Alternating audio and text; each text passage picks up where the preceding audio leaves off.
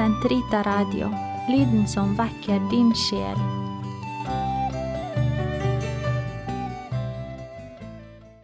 Den katolske kirkes katekisme, uke 32, fredag 2196 til 2200.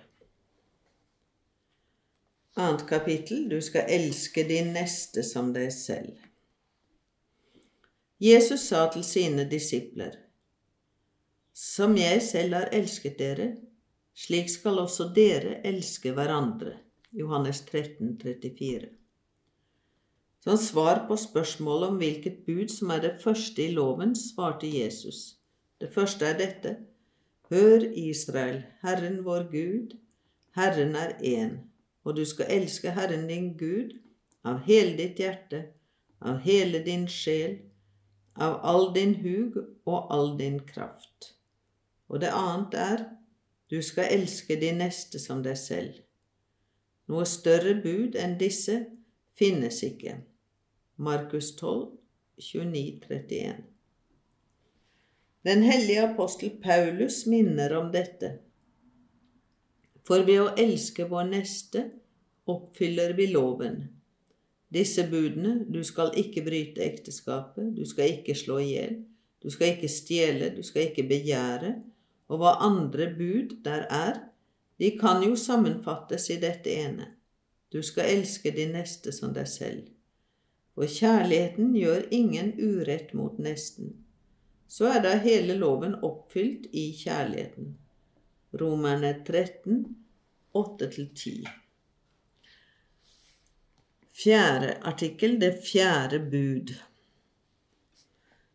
Du skal hedre din far og din mor, så du får leve lenge i det landet Herren din Gud har gitt deg. Exodus 2012. Han var lydig mot dem. Lukas 2, 51.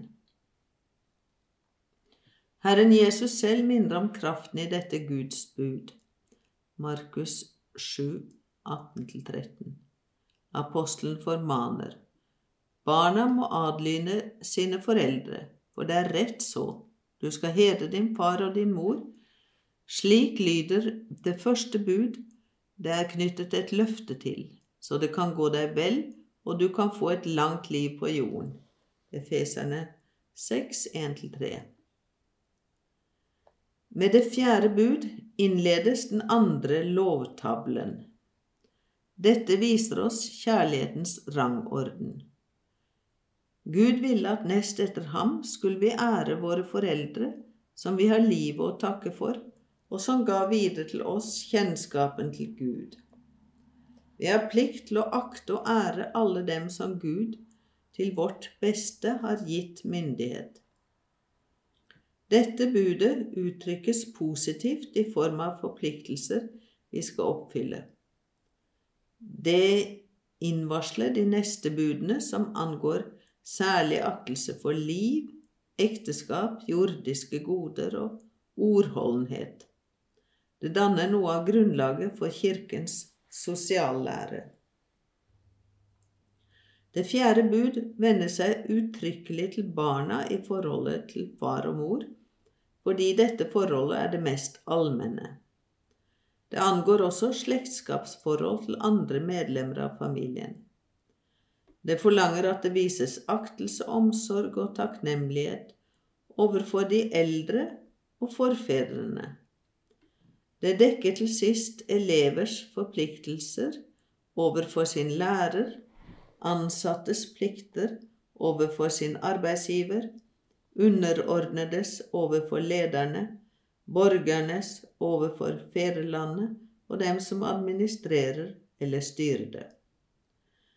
Budet innebærer å underforstå de plikter foreldre, oppdragere, lærere, ledere, dommere, styresmakter og alle de som utover, utøver myndighet over andre, eller over et samfunn, er underlagt. Å overholde det fjerde bud fører belønning med seg. Du skal hedre din far og din mor, så du får leve lenge i det landet Herren din Gud gir deg. Exodus 2012 og Deutonomium 5.16. Å akte på dette budet gir, ved siden av åndelige frukter, timelige frukter i form av fred og velstand. Å ikke gi akt på det fører til stor skade for mennesker og samfunn.